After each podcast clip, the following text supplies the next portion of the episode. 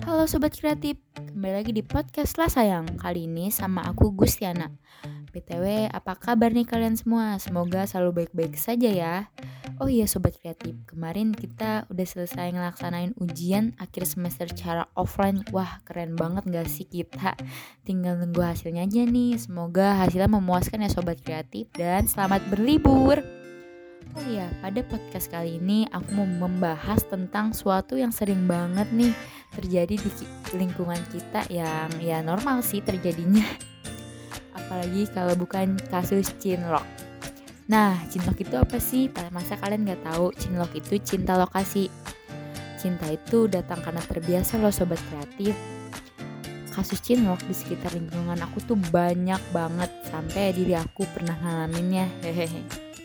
Iya sih, semua kalau emang udah terbiasa di diri kita pasti timbul kenyamanan. Apalagi di cinta itu wajib banget hukumnya kenyamanan supaya kehangatan di hubungan itu selalu ada. Kalau kita nggak nyaman ngejalanin hubungan itu gimana nggak retak coba ya sobat kreatif. Oh iya, kalau sobat kreatif udah pernah ngalamin cinlok belum? Mungkin kalau emang belum ngalamin, salah satu teman kalian ada yang suka tapi nggak berani confess Cinlok tuh biasanya mulainya dari ledek-ledekan gak sih? Jadi kenyataan atau enggak dari pandangan pertama terus nancep ke hati? Jia alay. Tapi emang hal kayak gitu normal kok sobat kreatif asal perasaan kalian terbalas ya. Eh tapi kalau nggak terbalas juga nggak apa-apa ya walaupun berat sih. Kan cinta itu nggak selalu memiliki juga loh sobat kreatif. Tapi apa lebih beratan digantung? Eits, semua bukan permasalahan yang besar selagi perasaan kalian sama itu sah-sah aja dan selagi kalian enjoy ngejalanin hubungan itu. Yang penting yang gue bilang tadi sobat kreatif, kenyamanan. Kenyamanan di dalam hubungan itu sebagai faktor utama loh yang mendorong agar hubungan itu selalu harmonis.